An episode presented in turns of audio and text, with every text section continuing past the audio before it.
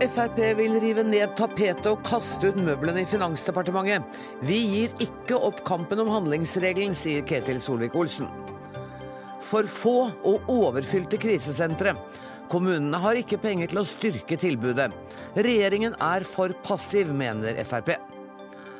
Nesten hver tredje bonde vil legge ned driften hvis Høyre får styre. De har ikke satt seg godt nok inn i politikken vår, svarer Svein Flåtten. Og Barneombudet vil gjøre skolen fri for all forkynning. Da blir elevene religiøse analfabeter, svarer biskop.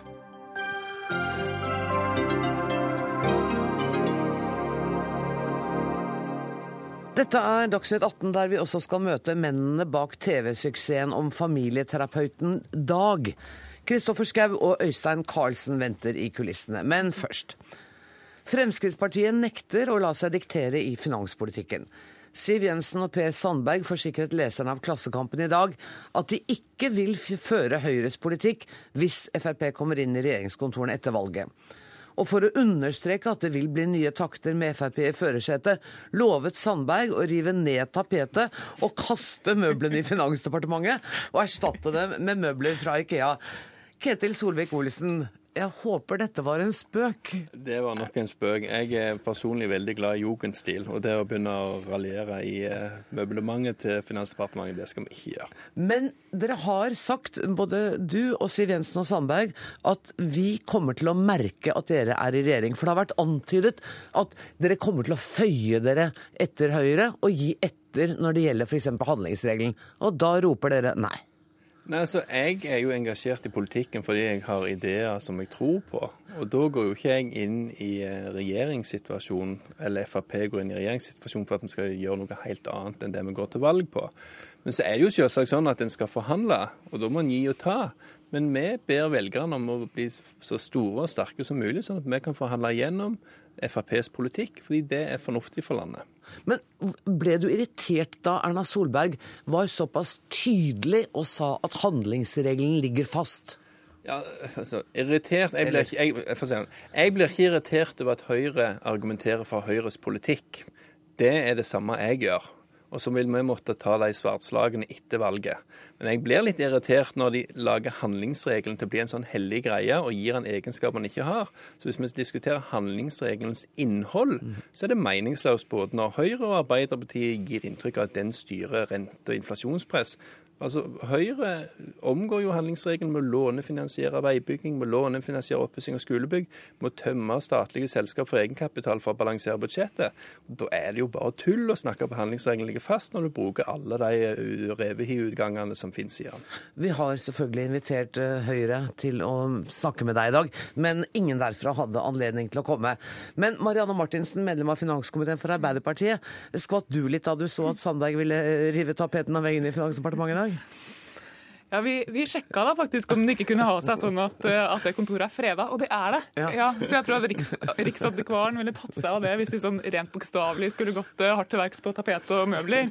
Men jeg antar at det var, at det var billedlig bruk, at man snakker om en total ommøblering av rammeverket for, for den økonomiske politikken. Mm. Og det er jo alvorlig. Det er ikke noe å le av.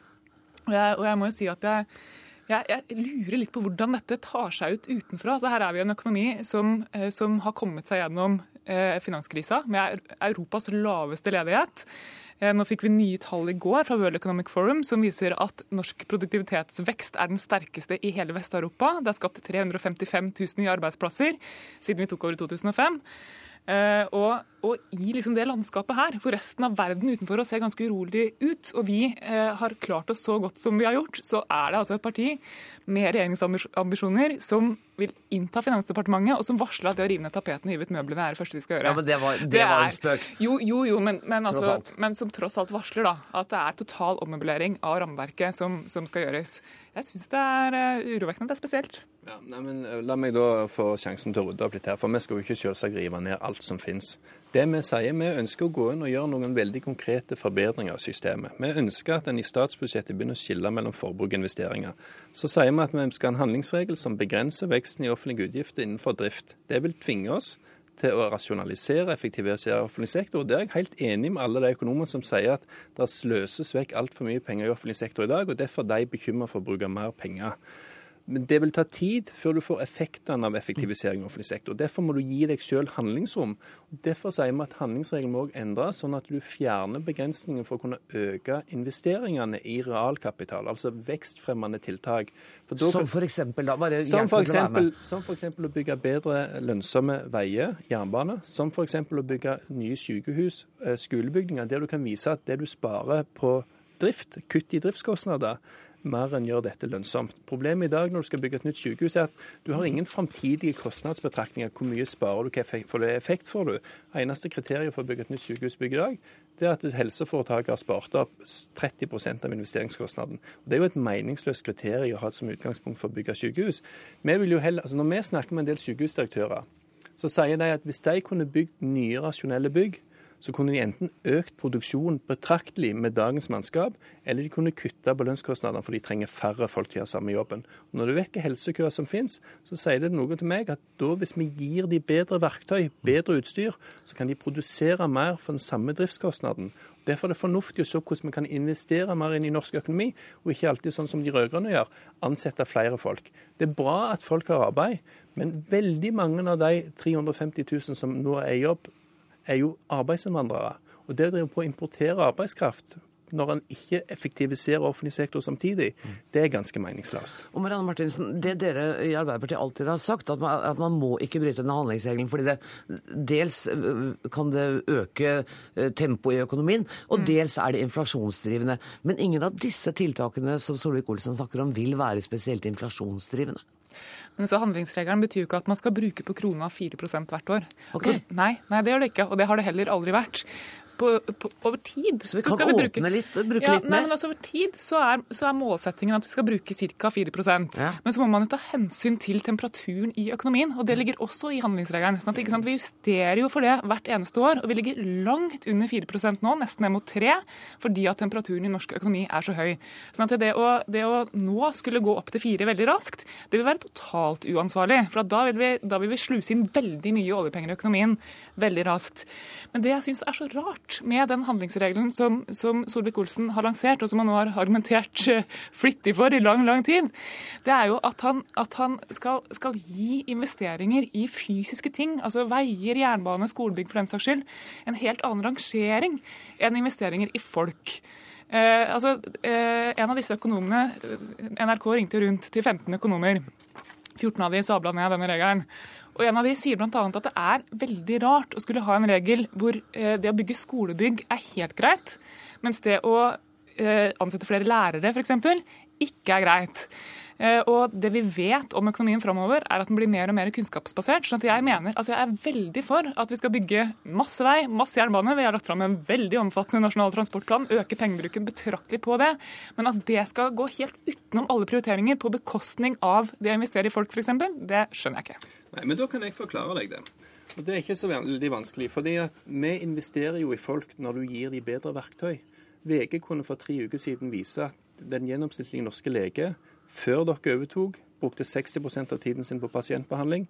Nå bruker han 42% av tiden sin på pasientbehandling. Det betyr at du trenger flere leger for å gjøre samme jobben. Og Bakgrunnen som de ga, det er at datasystemene begynner å bli gamle og slitne. Softwaren kommuniserer ikke, og det er masse rapportering som tas manuelt, og det tar mye tid. Da tenker jeg at du investerer jo i deres hverdag ved at de får en bedre eh, arbeidssituasjon. Hvis de faktisk får moderne IKT-utstyr. Hvis du får sykehus som fungerer mer rasjonelt, rett og slett fordi at det bygges ut fra dagens behov og dagens logikk, istedenfor at sånn som Ullevål, Universitetssykehuset i Stavanger og andre har bygningsmasse som sprer 100 år over, over tid. Det er det ene. Og jeg tror alle som driver i næringslivet forstår dette. Men noen av disse teoretiske økonomene de advarer mot dette. Men jeg var jo i debatt her forrige torsdag og spurte disse økonomene når de advarer seg at dette blir press i økonomien. Så spurte jeg de vet du hvor mye ekstra vi foreslår inn i norsk økonomi. Ja. Og det kunne jo ikke den økonomen eh, forklare. De, de, de, gir en generell begrunnelse i sin kritikk, som jeg er helt enig i. Bruker du for mye penger, så, så skaper du inflasjon. Det er derfor vi begrenser hvor mye ekstra vi bruker, nettopp for å ta hensyn til det. Og det snakket vi om på torsdag. Men, men hvor langt er, er, dere villige til å gå? Altså Nå eh, bruker vi da ned mot 3 og mm. handlingsregelen er på 4 fire. Hva ser du for deg i sånn, la oss si den neste fireårsperioden? Igjen så handler det om hvordan du planlegger. For Hvis du begynner å bruke masse penger nå, ja. så får du ikke mer entreprenører inn i Norge på sekundet. Derfor vil det være dumt å bare pøse ut masse penger og tro at du, du får noe igjen for det. Men når vi snakker med Maskinentreprenørenes forening, de ulike entreprenørene i Norge, så sier alle det samme. Vil dere ha mer tjenester i dag, så må dere by opp prisen, så vi slutte å gjøre andre ting. Gir dere et, halvt år varsel, så kan vi skaffe dere hva som helst. Fordi det er masse selskap rundt i Europa som ikke har noe å gjøre. Og vi har de som søsterselskap, datterselskap eller konkurrenter. Vi skal garantere at vi får økt kapasiteten på produksjon i norsk økonomi. Og da unngår du det som Marianne Martinsen og jeg frykter. Men det som er rart i denne logikken til Arbeiderpartiet, det er at nå sier Ap at nå er presset så høyt at du må holde igjen. Mm. 26.6 så hadde Stoltenberg en pressekonferanse der han lanserte 20 milliarder kroner mer til vedlikehold av skolebygg, for da var plutselig frykten for resesjon stor. Hva er det som er problemet med det? Jo, han skal låne 20 milliarder kroner i utlandet for å pusse opp skolebygg. Og Det er meningsløst for en nasjon som har 4500 milliarder kroner på bok, å begynne å låne penger av andre for å pusse opp skolebygg. Og Det handler jo kun om å omgå handlingsregelen. Nå klarte han å holde så lenge på at han uh, fikk det siste ordet, Marianne Martinsen, men du kan i hvert fall være helt trygg. De river ikke ned noe tapet, og de kaster ikke jugendstilmøblene fra Finansdepartementet. Nei, men tu Poenget er å bruke mer penger, og det er det siste vi trenger. Tusen takk. Tusen takk for at dere kom, begge to. Ketil Solvik-Olsen og Marianne Martinsen.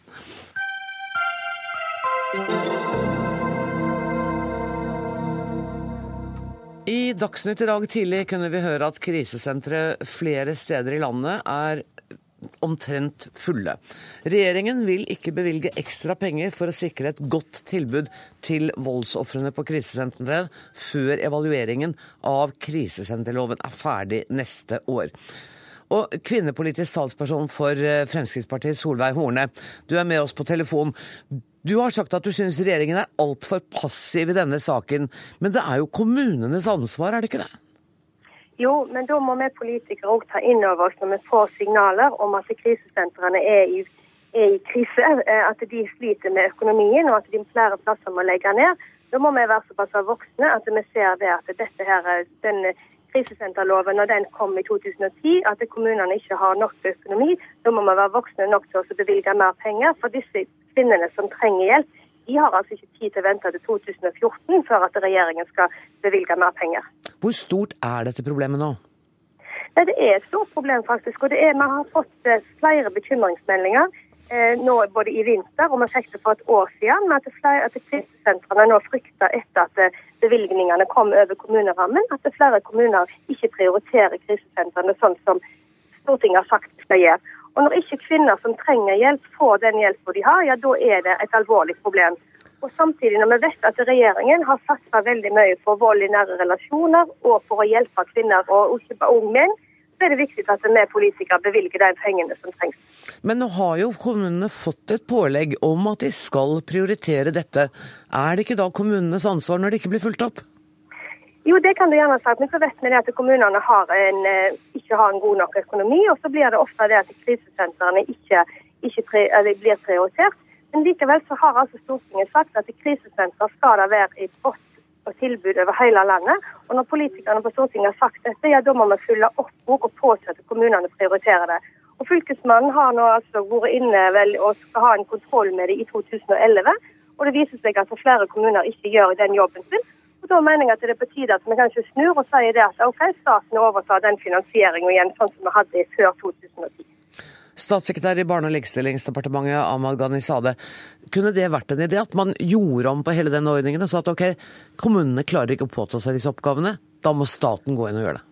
Jeg vil først starte med å si at når et menneske ikke er trygt eh, i sitt hjem, så er det eh, samfunnets oppgave å gi en beskyttelse eh, i form av krisesentertilbud. Men det klarer det, vi altså ikke? Ja, det er det som har vært bakgrunnen for at vi har tatt et viktig skritt og lovfestet krisesentertilbudet og pålagt alle landets kommuner å gi et tilbud om krisesenter.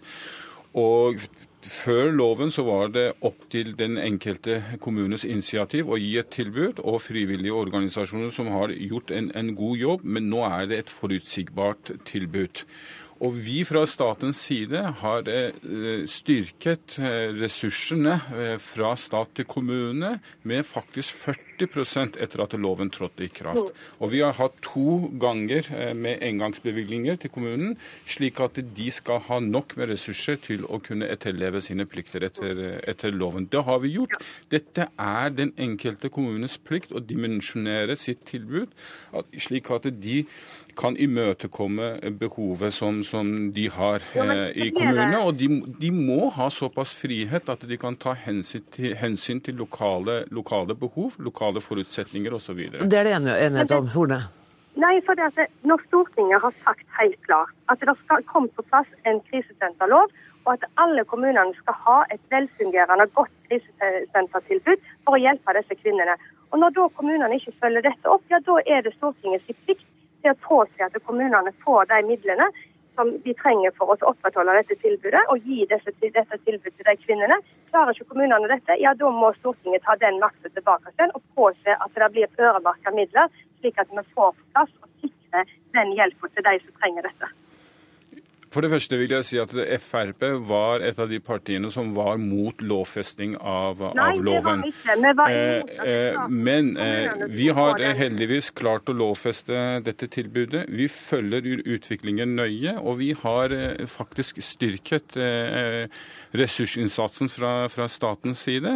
Med 40 det sa du. Med 40 Men vi kommer, vi kommer til å fortsette å følge utviklingen nøye. Kommunene er ikke overlatt til seg selv. Fylkesmennene skal skal føre tilsyn. Jeg er i tett dialog og kontakt med fylkesmennene. Ja, så Er det ikke Senest... sant i de rapportene vi får om at det er overfylte krisesentre, at de bruker rom til overnatting som ikke er ment som overnattingsrom, at kvinner noen ganger også blir bedt om å kjøre til et annet krisesenter fordi det er ikke plass der hvor de først er enkelte tilfeller så er dette riktig, okay. men dette er ikke noe nytt. I enkelte situasjoner, i enkelte perioder, så er det slik at krisesenteret har mye å gjøre. Men det dette er ikke noe nytt. Dette er noe kommunene vet på forhånd, og de må være forberedt på å dimensjonere tilbudet sitt, sånn at de ikke får sånn opphopinger som ikke klarer å, å takle. Fylkesmennene følger Vent, da, Vi skal høre hva Solveig Horne sier til det få lov til å si at Fremskrittspartiet var for at vi skulle få på plass en krisesenterlov for å sikre et likt tilbud over hele landet. Det Fremskrittspartiet var imot, det var at kommunene skulle få finansiering over ramma. Vi ønsket at staten skulle ha dette ansvaret. Og når statsråden får altså beskjed både for ett år siden og senest i, nå i, i, i februar, Ulf Leirstein som stilte spørsmål, der vi får altså så konkrete beskjeder at kommunene ikke klarer denne oppgaven, og at det er altså fullt på krisesentrene, at det er en krise, da må vi politikere være såpass voksne at vi tar det ansvaret tilbake igjen, og ikke vente til 2014, som det da denne loven skal evalueres. Disse kvinnene har altså ikke tid til å vente på det helt til 2014. Er dere avhengig av å vente på evalueringen av loven? Gamisale? Evalueringen er en helhetlig gjennomgang av, av, reformen. Men vi er ikke avhengig av å, å, å, se på evalueringen for å rette opp ting som skal rettes, rettes på.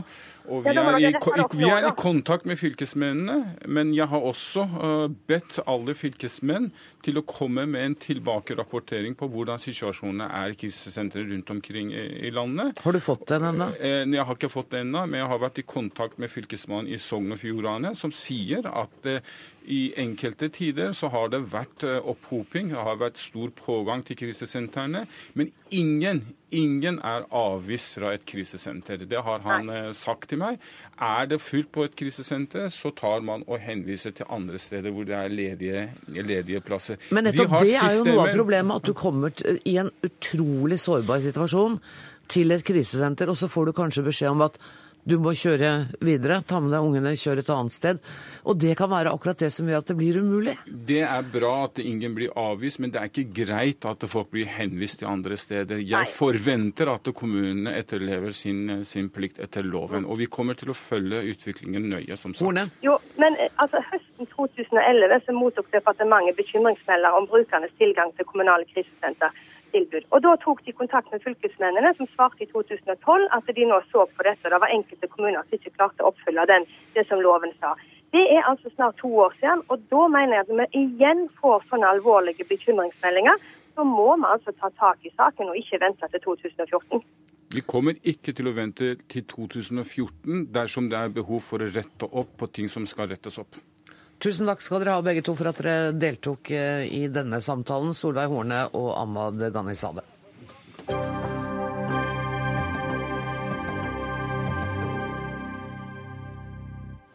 Velgerne må ikke tro at Miljøpartiet De Grønne er blokkuavhengig, varsler Civita i et rykende ferskt notat. Der slås det fast at Det grønne partiet i realiteten er rødt. Ståle Hagen, rådgiver i Civita. Du mener Miljøpartiet De Grønne forleder velgerne til å tro at de er blokkuavhengige. På hvilken måte gjør de det? På den måten at Vi har eh, gått gjennom de eh, kommunestyrene hvor Miljøpartiet De Grønne er representert. De sitter i 16 kommunestyrer og ett fylkesting. Eh, det eneste vi har gjort, er at vi har gått gjennom og sett hva Miljøpartiet De Grønne faktisk har stemt. Vi har tatt for oss da når det gjelder valg av ordfører, valg av varaordfører, eventuelt byråd i de kommunene som har det, og de store sakene som handlingsprogram og budsjett. Og Da ser vi altså en veldig veldig klar tendens til at De Grønne støtter konsekvent Eh, de rød-grønne partiene på venstresiden. Er det en tendens, eller har dere sett dette i alle sakene dere har sett på? Det er en veldig klar tendens. og I de store byene hvor det er alle partiene er representert, så, så er det jeg har mange eksempler. altså F.eks. i Tromsø så, så, så har eh, de et felles forslag sammen med Arbeiderpartiet, SV, Senterpartiet. Både på, på ordfører og, og i budsjettet. I Nesodden kommunestyre så, så, har de også et felles forslag sammen med Arbeiderpartiet og SV på, på budsjett, som oppnådde flertall sammen med Rødt. Så, så, det er en rekke eksempler på dette, at de da, uavhengig av eh, hva de sier, så stemmer de altså, har en veldig klar tendens til å stemme til venstre i politikken. Er det uredelig av dem å ikke flagge hvilken blokk de tilhører? Nei, jeg syns ikke det er uredelig. De kan uh, godt si at de er, uh, er blokkuavhengige. og og vi ser jo eksempler også på at de fremmer egne forslag. Eh, som da ikke de alltid er sammen med, med en, en, konstellasjon. Men der de er det, så stemmer de for eh, den venstre siden. Hanna Markussen, talskvinne for Miljøpartiet De Grønne. Er dere avslørt nå som et egentlig rødt parti? Nei, det kan jeg vel kanskje ikke si. Uh, først må jeg jo si at Civita er flinke folk. så jeg tenker liksom Om de ikke har brukt sine ressurser på å løfte frem hvordan norsk læringsliv kunne bli grønnere, så tror jeg det hadde vært veldig positivt tilskudd til norsk politisk tenkning. Ikke snakk deg bort av saken Nei, Når det kommer til dette, så er det veldig morsomt at dette kommer på samme dag som Rødt prøver å gå offentlig ut og klistre oss til høyresiden. Uh, og dette er for vår del ganske tydelig tegn på at, uh, at det å forholde seg til noe nytt gjør at uh, bl.a. Civita prøver heller å putte det inn i kjente, tradisjonelle kategorier som man kjenner til. Eh, heller å se på hva det er som er genuint nytt med oss. Og sånn vi ser det, så går jo det viktigste skillet ikke lenger mellom rødt og blatt. Det går mellom grønt og grått. Eh, og da befinner både Arbeiderpartiet og Høyre seg på den grå siden. Men dere er litt til... alene om den definisjonen, skjønner du. Foreløpig så er vi det. Ja. Men dette, dette, er hvordan vi definerer politikken. Ja, det og det skjønner litt... vi jo at det er vanskelig å forholde seg til. Ja. Men vi tror flere og flere begynner å se det perspektivet. Og så kommer det jo til denne rapporten fra Civita, og den er jo hva skal man si, lettere tendensiøs. Den unnlater å nevne en del eksempler. Det er helt klart at eh, en god del tilfeller så har vi samarbeidet med venstresiden. Og det er vel kanskje litt fordi at venstresiden på en del områder har, ligger litt foran når det gjelder miljøpolitikk. Og det bør jo være en utfordring til høyresiden om å bli vært, bedre. Og så har dere vært tydelige på at det er vanskelig å samarbeide med en regjering hvor Frp sitter. Det, jo, det har vi vært tydelige på. Det er fordi ja. på denne grå til grønne aksen ja. Eh, så, så er helt klart Frp de som ligger aller lengst ute på den grå siden. De som er aller minst mest villige til å gjøre nødvendige tiltak for å løse klima- og eh, miljøproblemene. Så på den aksen så er det helt naturlig at ikke vi kan samarbeide med men dem. For oss vanlige velgere som ikke eh, opererer med aksen eh, grønn og grå, men mm -hmm. mer rød og blå, hadde det ikke vært ryddig av dere å si ifra før valget hvilken blokk dere ville støtte? Ja, men det, altså, det, vi har lovet velgerne, og som vi ser at ganske mange faktisk nå ønsker, er jo at vi er ærlige på hva vi kommer til å prioritere. Mm. Vi skal, vil inn på Stortinget for å få en mye mer ambisiøs klima- og miljøpolitikk. Og når verken Høyre eller Arbeiderpartiet per i dag kan gi noe god klima- og miljøpolitikk, så er vi nødt til å se hva vi kan få tilbake. Vi kan ikke gi noen blank og full makt til noen av de partiene. Og når det kommer til miljø- og klimapolitikken, så er det veldig forskjeller på Arbeiderpartiet og Høyre. Um, Ståle Hagen, dere i Civita har også sett på programmet til uh, De Grønne. Uh, og det er jo en del punkter der som helt opplagt ikke sammenfaller med uh, en blå blokk. Ja, det er klart. Vi har sett på, på, det også. Først og fremst så, så vi altså på hva de faktisk stemmer i da saker som ikke nødvendigvis er politiske, sånn som da valg av ordfører, valgteknisk samarbeid og valg av byråd og dette. Og Der stemmer det altså konsekvent til eh, Venstre, og har også felles forslag. Eh, det er ett sted, og det er i Halden kommune. Der har de hatt et samarbeid med, med Høyre, KrF og Venstre eh, og Miljøpartiet De Grønne for å få en ordfører fra Høyre. Det er det eneste stedet vi fant hvor de hadde et klart samarbeid. Der har da Miljøpartiet De Grønne brutt det samarbeidet nå i 2013. Men ellers så ser vi at enten har de egne forslag, eller så stemmer de på, på venstresidens forslag. Er det fremdeles behov for å korrigere? Eller hva, ja, her er det behov for å korrigere. Ja, for her er det jo også litt som gjennomgående denne rapporten, at det er litt selektivt hva man velger. Når de nevner f.eks. fylkestinget i Hordaland, eh, så var vi i forhandlinger med Høyre, Venstre og KrF eh, i starten for, for nettopp ønsket om å holde Frp uten å ha innflytelse der. Men der var det først at etter forhandlingene eh, ikke førte fram, at vi endte opp med et valgteknisk samarbeid med Venstre venstresiden. Så det er helt klart et, forskjell, et eksempel på det motsatte. Også okay. i Oslo bystyre så har vi stilt et eget budsjettforslag, et grønt det budsjettforslag. Det har jo Ståle Hagen sagt. Men så til programmet, Hagen. Det er, jo, det er jo flere punkter i det programmet som eh, er i skarp kontrast til det f.eks. Høyre står for. Jeg tenker på Nato-medlemskap, f.eks. Ja, f.eks. Nato-medlemskap. Men også i den økonomiske politikken så ser vi at det har radikale, radikale forslag. I, I, Oslo bystyre, siden Hanna Markus nevner det, så så står ofte Miljøpartiet De Grønne og Rødt sammen når det er snakk om økonomiske spørsmål. Og Det har vi også sett i budsjettforslagene som, som vi har da sett på. Har, eh, og Der er det forslag hvor Rødt og SV ofte står sammen med Miljøpartiet De Grønne. Ellers er det en del av den, den venstrekoalisjonen, både da sånn som i Trondheim, hvor, eh, hvor, Arbeiderpartiet, SV og Senterpartiet sitter i posisjon, så er Miljøpartiet De Grønne en del av posisjonspartiene. Men sånn som i Tromsø, Bergen og Oslo, hvor da eh, Høyre, KrF, eh, Fremskrittspartiet og Venstre er i posisjon, så har altså Miljøpartiet De Grønne valgt å sitte i opposisjon sammen med den rød-grønne siden også der.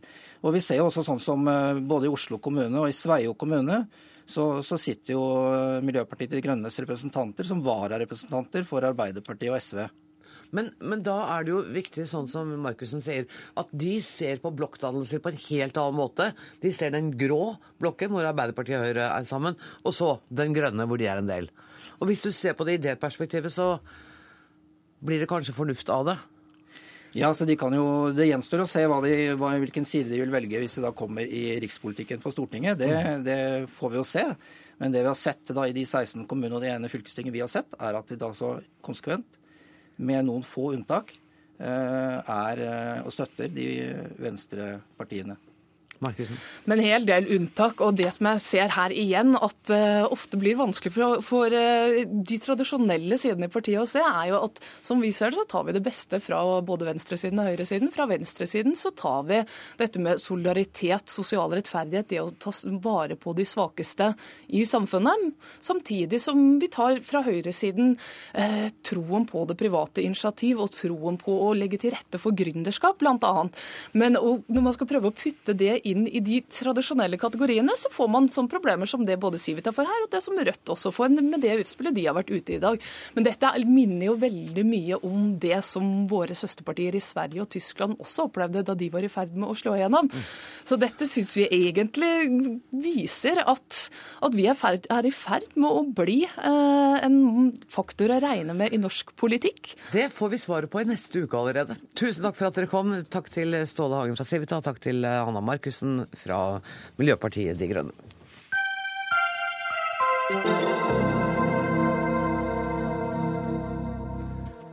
Tre av ti bønder svarer at de vil avvikle gårdsdriften hvis Høyres landbrukspolitikk blir realisert. Det kommer fram av en spørreundersøkelse som eh, Agri Analyse har utført for eh, Norges Bondelag. Dette vil få store konsekvenser for matproduksjonen, mener Bondelaget. Brita Skollerud, andre nestleder i Bondelaget, velkommen hit. Det vil gi Norge eh, det vil gi et Norge som ikke er til å kjenne igjen, sier dere i en uttalelse. Hvordan vil det bli annerledes? Det er klart det at uh, Hvis du reiser rundt i Bygde-Norge, så er det jo landbruket som gjør at det ser ut som det gjør. Mm.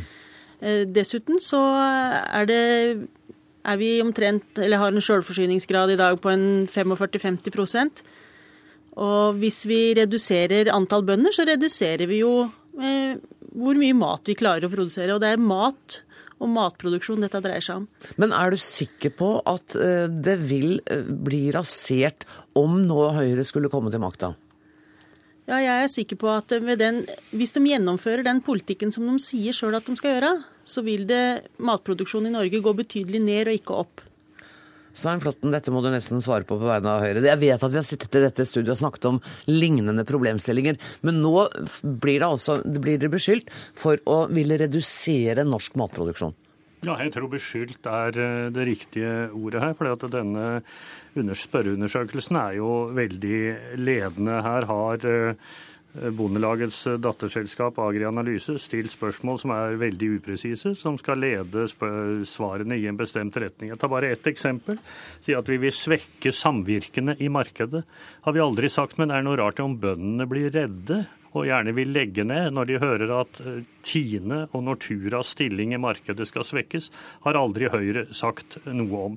Det som også Bondelaget, og for så vidt Senterpartiet, men særlig Bondelaget, må tenke litt på, er at hvis vi fortsetter rød-grønn politikk i åtte år til med den samme nedleggingstakten som de rød-grønne har stått for, så vil det minke 20% uansett. Og da er det ikke en spørreundersøkelse lenger. Da er det fakta, hvis vi har den samme nedleggingstakten som vi nå har.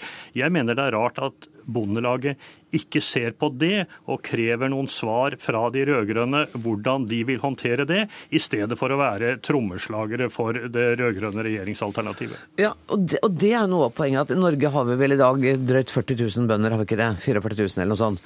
Og det er altså under 1000 som har svart på denne spørreundersøkelsen, så hvor viktig er den da? Ja, men det viktigste er vel å se på trenden i undersøkelsen. Og det er klart at eh, Når norske bønder nå føler seg utfordra på om de skal få lov å fortsette. Og det er jo litt... Ja, 1000 av, altså 900 av 44 000 ja, sier at de føler seg utfordra. Det er vel relativt vanlig antall i, i, undersøkelser, så jeg tror ikke vi skal gå inn på det. Men når, når Flåtten sier at, at, nedleggingstakten vil øke eller fortsette osv. Altså, da må man se seg litt i speilet. Når eh, Bondevik II holdt på eh, i sin fireårsperiode, så var det lagt ned 8800 bruk. Og i åtteårsperioden som den rød-grønne nå har sittet, så er det lagt ned hver så 6000 bruk. Mm. Så de har jo, Det var jo ikke noe bedre den gangen. Og det vil alltid legges ned bruk i Norge. Men det som jo er spørsmålet, det er hvordan vi skal klare å øke matproduksjonen framover, og hvordan du skal få optimisme inn i næringa til å produsere mat. Og når, når alle andre politikere nå reiser rundt i Norges land, så reiser de på bedriftsbesøk, reiser innom og hilser på alle og spør alle hva godt kan jeg egentlig gjøre for deg? Hvordan vil du opprettholde din næring og din bedrift? Tenk om Høyre hadde spurt norske bønder om det i stedet for, og spurt hva kan vi gjøre for at vi skal øke matproduksjon, og for at vi skal opprettholde eh, det matalternativet og det matvalget som nå vi står foran. Flotten. Ja, men Vi spør en rekke norske bønder om det. Britta Skallerud vet ikke hvem vi snakker med. Og veldig mange bønder svarer som så at gi oss muligheter til å produsere mer. Og det er jo ikke riktig at arealet faller selv om det blir færre bønder. Det blir færre bruk, det blir færre bønder, men, men arealene holder seg oppe. De blir noe større, men de blir også større med de rød-grønne. Og det er det, den diskusjonen Bondelaget ikke vil gå inn på. De vil snakke om andre regjeringer. De vil ikke snakke om sin egen regjering, som ikke har hatt hatt noe svar på dette. Brukene vil bli større, arealene vil bli omtrent det samme, matproduksjonen vil holde seg oppe. Og det har vi gjort undersøkelser på som er mye mer vitenskapelig enn denne spørreundersøkelsen til men, Heldigvis så altså, er regjeringa representert i denne sendinga nestleder i Senterpartiet, Ola Borten Moe. Um, Bondelaget skriver at 26 000 bønder har forsvunnet ut av næringa siden årtusenskiftet da har vel Flåtten et poeng at det gjør vel ikke så mye om vi får noe færre bønder hvis vi får større og mer effektive bruk? Ja, Antallet gårdsbruk i Norge har jo gått ned de siste 200 årene. Og det er jo en del av ei naturlig samfunnsutvikling. Mm. Der det effektiviseres, der ny teknologi tas i bruk, der man frigjør arbeidskraft og ressurser til øvrig næringsliv. Men det som har skjedd under denne regjeringa, og spesielt med det siste landbruksoppgjøret, det er jo at man har fått optimisme tilbake i næringa. Det investeres, og folk har tro på framtida. Det viser denne undersøkelsen også. For ser man på tallene, så er det sånn at det er kun 3% som eh, tenker å legge ned hvis den rød-grønne regjeringa fortsetter, mot 30 av hvis Høyre får gjennomslag, og 50% hvis Fremskrittspartiet skulle få gjennomslag. Og Det forteller først og fremst eh, at norsk landbruk har liten tillit ingen tillit til Høyres landbrukspolitikk, og det forteller også at man har fått med seg hva som er Høyres landbrukspolitikk. For man kan jo sitte og diskutere dette her på et aggregert nivå, men man må også se på hva Høyre faktisk foreslår. Og det er altså kutt eh, i budsjettoverføringene. 1,5 milliard tok de eh, i fjor, 5,5 milliard tok Fremskrittspartiet. De to skal nå bli enige. Så foreslår man å ta bort, eller i hvert fall redusere tollvernet. Ostetoller skal tas bort umiddelbart. Øvrige, de øvrige tollvernet skal reduseres gradvis deretter. Det betyr reduserte markedsinntekter. Og det er klart, Dette er alvorlig, og spesielt for dem som har investert mye, og som driver størst. Du sitter i Trondheim, Ola Borten Moe, så du ser ikke at Flåtten nå er litt oppgitt og er ganske ivrig på å få ordet. Vet ikke til hvilke av punktene, Flåtten. Det var mange ting å ta her. Nei, til alle for så vidt, ah, ja. men til utsagnet om at har bøndene fått med seg vår politikk? Hvis man hadde stilt det første spørsmålet her, har du satt deg inn i resultatene av Høyres alternative landbrukspolitikk. Da måtte man først og fremst gå inn i de beregningene som vi har gjort. Men, men, men Flåtten reduserte overføringer og reduserte priser. Det er jo ikke godt. Nå hadde Flåtten ordet. Jeg skjønner at uh, Senterpartiet ikke vil høre om resultatene av vår politikk, men det er et faktum at vi har lagt inn denne, dette i en modell. Vi har lagt inn kuttene over tid. Vi har lagt inn uh, reversering av den økte ostetollen, ikke noe mer. Og så får man ut et resultat som viser at om åtte år med Høyres politikk, så har man opprettholdt produksjonen. Så opprettholder man inntektene, så bruker man arealene. Det blir ingen katastrofe for norsk landbruk. Men denne undersøkelsen Undersøkelsen har bare én hensikt. Den er å skremme de som blir spurt, til å svare nettopp dette, slik at man kan skremme med Høyres landbrukspolitikk. Det er det ikke noe faktisk grunnlag for. Da må jeg gi Brita Skallerud ordet. Var, var det tanken med dette her? Å, skremme med Høyres landbrukspolitikk? Nei, Vi trenger ikke å gjøre det. fordi at Bønder klarer faktisk å forstå hva, øh, hva politikerne sier. Uh, og når, når Høyre har sagt det de har sagt og gjort i Stortinget, Altså Når du reduserer overføringene, og du tar vekk muligheten for å Eller de vil ta vekk eh, eh, å reversere tollgrepet som ble gjort i høst. Dvs. Si at vi ikke kan ta ut pris i markedet. Når du tar vekk altså budsjettstøtte og muligheten for pris i markedet, da er jeg som næringsdrivende eh, Hvor skal jeg da hente inntektene mine hen? Og da går det i minus. Altså minus pluss minus, det blir ikke pluss i min bok. Og det dette dreier seg om, til syvende og sist, det er hvordan landet vårt skal se ut, hvordan bygdene våre skal se ut, og om vi faktisk har råd til å drive en matproduksjon i Norge i en verden som stadig mer går i, i, i usikker framtid i møte. Men må ikke landbruket, som all annen næring, være villig til å omstille seg? Og, for eksempel, gå... og det ja. gjør norsk landbruk. Okay. Norsk landbruk omstiller seg til de grader. Altså, Vi har en effektivitetsframgang i norsk landbruk på 6% Spør hvilke andre næringer som har det. Men det går en grense for hvor langt vi kan kan gå fordi vi er ei biologisk næring. Jordene våre er bratte. Vi bor i et kaldt land, og vi bor i et vått land. Og vi må faktisk forholde oss til at vi kommer aldri til å kunne konkurrere med Danmark eller Sverige. Skal vi ha matproduksjon, og skal vi ha bygder og skal vi ha levende befolkning i hele landet, så må landbruket få rammevilkår for å produsere mat og økt matproduksjonen sin. Ola Borten Moe. Nei, Det siste er jo helt korrekt. Eh, norsk landbruk er effektivt. Og jeg blir stadig overraska over at Høyre snakker norsk landbruk ned. Fremstiller det som at det er gjennomsubsidiert og ineffektiv næring. Faktum er at det er titusenvis av mennesker og familier som jobber hver eneste dag for å produsere den maten som vi trenger, for å produsere det kulturlandskapet som vi trenger, for å gjøre Norge til det Norge er. Det burde man fått skryt for. Et klapp på skuldra og en programerklæring om at dette er noe som vi ønsker å hjelpe videre. Men, jo, men der er jo Høyre gjør det stikk motsatte der man jo sier at man skal kutte i overføringene, samtidig som man tar bort inntektsgrunnlaget fordi at tollvernet skal bort. Og Det skjønner norske bønder at vil føre til nedlegginga av bruk, og det viser denne undersøkelsen. Det kommer til å føre til nedlegging av bruk, viser undersøkelsen, Flåtten? All politikk som kommer heretter vil føre til nedlegging av bruk, fordi at det har vært det gjennom så mange år. Selv ikke den rød-grønne politikken har kunnet gjøre noe med det. Det er det man aldri vil svare på. Vi har jo mange andre svar i vår politikk. Altså det å styre overføringene inn mot mer produksjonsrettet virksomhet, det å tillate å utnytte sin kapasitet osv. Jeg mener at vi er positive, men at vi ser at endringene kommer. Vi prøver å lage en politikk for det landskapet vi kommer til å se i norsk landbruksnæring om noen år. Mens de rød-grønne foretrekker å si at vi skal ha det som vi har det, mens alle vet at det vil se annerledes ut. Det er ingen andre næringer som effektiviserer så mye som norsk landbruk, Flaten, og det burde du vært eh, skvær nok til å sagt, og så kunne du sagt at det er veldig bra og faktisk en prestasjon. Det er et ordtak som sier det at vi veit prisen på alt, men ikke verdien av noe. Og det gjelder når det gjelder landbrukspolitikken. Altså Vi er nødt for å ta inn over oss at vi har et land som ser annerledes ut. Men det Flåtten ikke snakker noe om, det er at hvis han skal gjennomføre det landbruket sitt, så vil det bli rundt Trondheim, rundt Oslo, rundt Stavanger. Resten av landet blir ikke i drift, for det er ikke mulig å få til.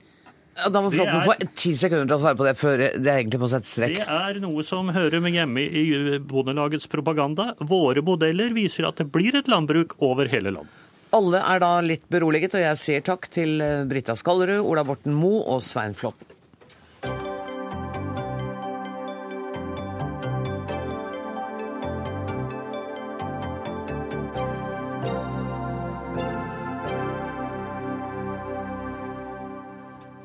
Barneombud Anne Lindboe vil sette en stopper for skolegudstjeneste og konfirmasjonsundervisning i skoletiden. Det kommer fram i Barneombudets høringssvar til Stålsett-utvalgets utredning, som ble lagt fram tidligere i år. Anne Lindboe, barneombud. Til Vårt Land i dag sier du at skolegudstjenesten er et problem for dem som ikke har en tro eller er religiøs på en annen måte. Hva mener du? Nei, Jeg mener jo det at, at jeg synes at skoletiden skal være fri for forkynnelse. Eh, det betyr ikke sånn som det sto i Vårt Land i dag, at jeg mener at Jesus skal ut av skolen. For jeg syns at det er utrolig viktig med, med, livssynsundervisning. Og det at man skal lære om vår kristne historie, lære om kristendommen, lære om, om islam eh, og toleranse for andres religion. Det syns jeg er veldig viktig. Men jeg mener at den rene forkynnelsen, altså bønn, andakt, konfirmasjonsundervisning og den slags, det mener jeg foreldrene har sans for, og det burde da eh, finne tid utenfor skoletiden. Men er det ikke allerede slik nå, og unnskyld at jeg ikke er oppdatert på det, dette at, at man kan be seg fritatt for den type forkynnelse? Jo, man kan be seg fritatt. Men jeg mener at, eh, at Eh, for det første så syns jeg skoleavslutninger, eh, som jo ofte da er det tidspunktet man har disse gudstjenestene, skal være inkluderende. Jeg synes det skal være for alle. Og det er ikke spesielt inkluderende for de som blir sittende igjen når resten av klassen går på skolegudstjeneste. Jeg synes også det er problematisk at i veldig mange kommuner så er det ikke noe reelt alternativ til statskirken. Altså for, for barn med en annen tro, eller så er det ikke noe tilgjengelig tilbud. Så jeg mener at, at jeg, jeg har forståelse og, og, skjønner veldig godt at, at gudstjeneste og og, og, det ritualet det representerer, er veldig viktig for mange barn og familiene deres. Men jeg mener at i jula og i andre høytider så har man så store muligheter for å gjøre det på fritiden sammen med familien sin, at det er noe man ikke skal bruke tiden på i den offentlige skolen. Lærla Riksåsen Dahl, du er biskop i Tunsberg bispedømme. Eh, blir du opprørt over dette? Nei, dette er en debatt vi har hatt i mange år. Jeg trodde faktisk den hadde lagt seg, og at den hadde kommet til en forståelse. Det vi er enige om, er at i skolens lokaler, i skoletida, så skal det ikke være forkynnelse. Der skal det være kunnskapsformidling. Så fins det et ørlite unntak eh, når det gjelder å gi rom innenfor skoletida for konfirmantundervisning, der det av praktiske grunner, skoleskyss og sånn, er nødvendig. Et lite unntak for det. Men det er jo ikke skolens regi, det er i kirkens regi, men det kan være skoletida. Men så er det, men så er det skolegudstjenestene. Det er jo en lang tradisjon. Og spørsmålet er får vi, får vi en oppvoksende slekt som skjønner hva religion er, hvis de aldri ser religion praktisert, hvis de aldri er med på trospraksis. Men det kan det jo være på fritida med foreldrene ja. sine på søndager f.eks. Ja, og det håper vi jo at folk er. Ja. Men er det ikke en samfunnsoppgave at alle unger kommer på innsiden av hva religion er, ved å se religiøs praksis? Så argumentet til Barneombudet om at det kan virke ekskluderende på dem som ikke deltar i dette, det har du ikke sans for? Jo, for så vidt har jeg det, og jeg har veldig sans for fritaksordningen. Og det er jo det rundt omkring der det er små samfunn som er homogene, der blir det jo ikke reelle fritak med reelle andre gudstjenester eh, i regi av andre samfunn. Men jeg må spørre, hvis unger ikke noen gang ser hva det er å møte det hellige for den religiøse, så får vi altså religiøse analfabeter. Og det er det motsatte av det vi trenger. Vi trenger folk med respekt for andres overbevisning, og da bør de få oppleve det.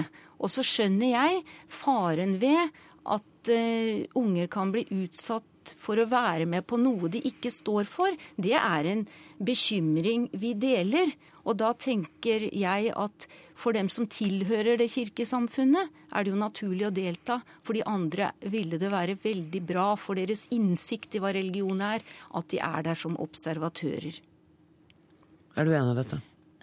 Nei, altså jeg er ikke enig, for jeg mener at, eh, at, det er Man trenger ikke å bli en religiøs analfabet selv om man ikke deltar i det rent forkynnende. Altså deltar i bønn, andakt, sanne aktiviteter. Jeg er jo veldig for livssynsundervisning. Jeg syns at, at, det faktisk burde vært obligatorisk. Jeg syns at man skal ikke ha mulighet til å være fritatt fra RLE-faget. For jeg syns nettopp det er så viktig at man skal lære om andre religioner. Men jeg mener at ved å Men Det biskopen sier, unnskyld meg, det er jo at hun skiller mellom det å møte det hellige i en forkynnelse, og den teoretiske kunnskapen, for den er jo du også for. Men at du på en måte fratar eh, religiøse mennesker muligheten til å møte det hellige i en skolesituasjon? Ja, men jeg mener det å møte det hellige, det mener at det, fører, det, det, altså det hører ikke hjemme i den offentlige enhetsskolen. For det møter det hellige for de som er kristne, men hva med alle de som, som har noe annet som er hellig? Og jeg tenker at det å møte det hellige for dem det er viktig for. Eh, og det er full respekt for at det er viktig for mange, men det, det, kan man fullt og helt på en måte gjøre på fritiden. Man har lange juleferier, man har lange påskeferier. Man har masse hel eh, helligdager i disse feriene til å gå med familien sin i kirken og ta en del i dette. Så tenker jeg at for de som det ikke er så viktig for, så bør de på en måte slippe å, å sitte alene og gjøre lekser eller matte mens de andre i, på skolen går til eh, skolegudstjeneste. For det er det mange barn som forteller, at den, den valgfriheten, den er Selvfølgelig så slipper du Det er ingen som blir tvunget, men det å sitte alene på en måte og bli eksponert på den måten at det er helt synd at du har en annen tro, eh, at du på en måte føler det annerledes, og at du på mange skoler faktisk også må gjøre ting som er ganske kjedelig, mens de andre går på gudstjeneste, istedenfor at man sitter sammen og, og spiser marsipan og klipper eh, julehjerter og leser fra juleevangeliet og synger julesanger. Det tror jeg hadde vært mye hyggeligere og mye mer inkluderende for hele klassen sammen. Men har du gått litt langt her? For i eh, avisintervjuet så sier du også at du syns at barn over tolv år som går på kristne kristne friskoler skal kunne bli fritatt for skoleandakten. Men hvis du går på en kristen friskole, så er vel den andakten en del av den pakka du på en måte har kjøpt, da? Ja, selvfølgelig. Og jeg har jo full forståelse og respekt for at kristne friskoler arrangerer andakter. Men det jeg mener er at det må faktisk også der eh, for barna være en mulighet til å si nei. Altså det er foreldrene som i utgangspunktet bestemmer at du skal gå på en kristen, eh, kristen friskole. Det er selvfølgelig deres rett som, som, foreldre. Men etter hvert som du blir større og blir tolv, da mener jeg at barns selvstendige religionsfrihet eh, skal respekteres. Hvis barn da i en fase, selv om du går på en religions, eh, altså en, en, religiøs friskole plutselig ikke har lyst til å være med i andakt, ikke lyst til å, til å synge bordbønn, så mener jeg at faktisk barnet må få lov eh, til å ta den avgjørelsen selv at dette ønsker jeg ikke å være med på, uten at du trenger å bli kasta ut fra skolen. Og jeg tror tvang det løser ingenting. Da har jeg mye mer troa på en, en, dialog mellom foreldrene og barna om hvordan skal vi løse dette på best mulig måte, både for, for barna og familien. Er det en god idé biskop, å skille det enda tydeligere, skolehverdagen, fra det religiøse liv? Nei, jeg syns ikke det. Jeg kunne sagt noe om det med friskoler. Jeg mener det må være et forhold mellom barna og foreldrene om de ungene skal fortsette. Eh, og da vil jeg jo være veldig for at barna ble hørt.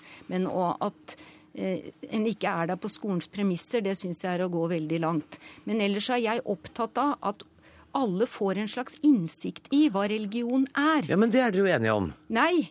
For hun, hun, eh, har ikke det leddet, så vidt jeg forstår, med observasjonsstatus. Jeg mener vi må gi fortsatt en, en uh, mulighet for at folk får oppleve den tradisjonen eh, det, også den kristne biten av høytiden. Men den som ikke står for det, må jo ikke være med og be og synge og sånn, sånn som det sies her. Men kan den få lov å være til stede, ja. Og så mener jeg at de som tilhører de kristne kirkesamfunn, da, i Den norske kirke i særdeleshet, der det ligger til rette for det, der det er en moské, ja så bli med da og se hvordan man feirer id der. Eller der det er en synagoge, bli med og feire hanukka eller hva det måtte være der. Det gir kulturkompetanse som vi er veldig avhengig av at neste generasjon får. Men det er du vel ikke uenig i, at ungene skal få kulturkompetanse? Absolutt ikke. Det er jeg veldig for. Og jeg mener også at det, jeg synes også det er lurt eh, og en god idé at skolene f.eks. tar med seg barna på ekskursjon. Man kan ta med seg barna til moskeen, eh, til synagogen og til kirken.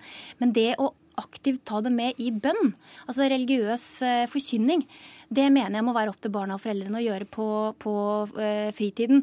Og det å si at du bare kan sitte og observere når du er barn og deltar i en gudstjeneste. Og en gudstjeneste er jo også ifølge Den norske kirken definert som eh, et sted der mennesker møter hverandre og trer sammen fremfor Gud. Altså Det er jo eh, forkynning og et religiøst ritual, og det mener jeg at eh, altså, dette må være valgfritt for barna og, og familiene, ikke noe som man skal bruke den offentlige skolehverdagen eh, til. Og det å gå i kirken og bare sitte og observere, det tror jeg den grensen er det vanskelig for mange barn eh, å, å trekke. Og de vil nok på en måte ikke helt skjønne at eh, altså, når man ber, så ber man. Og det å bare sitte og observere, det syns jeg blir litt søkt. De bevisste ungene trekker den grensa. Mm. Ok. Jeg, jeg tror ikke vi kommer lenger i dag, men det var eh, interessant å høre på dere. Tusen takk for at dere kom, Laila Riksåsen Dahl og Anne Lindboe.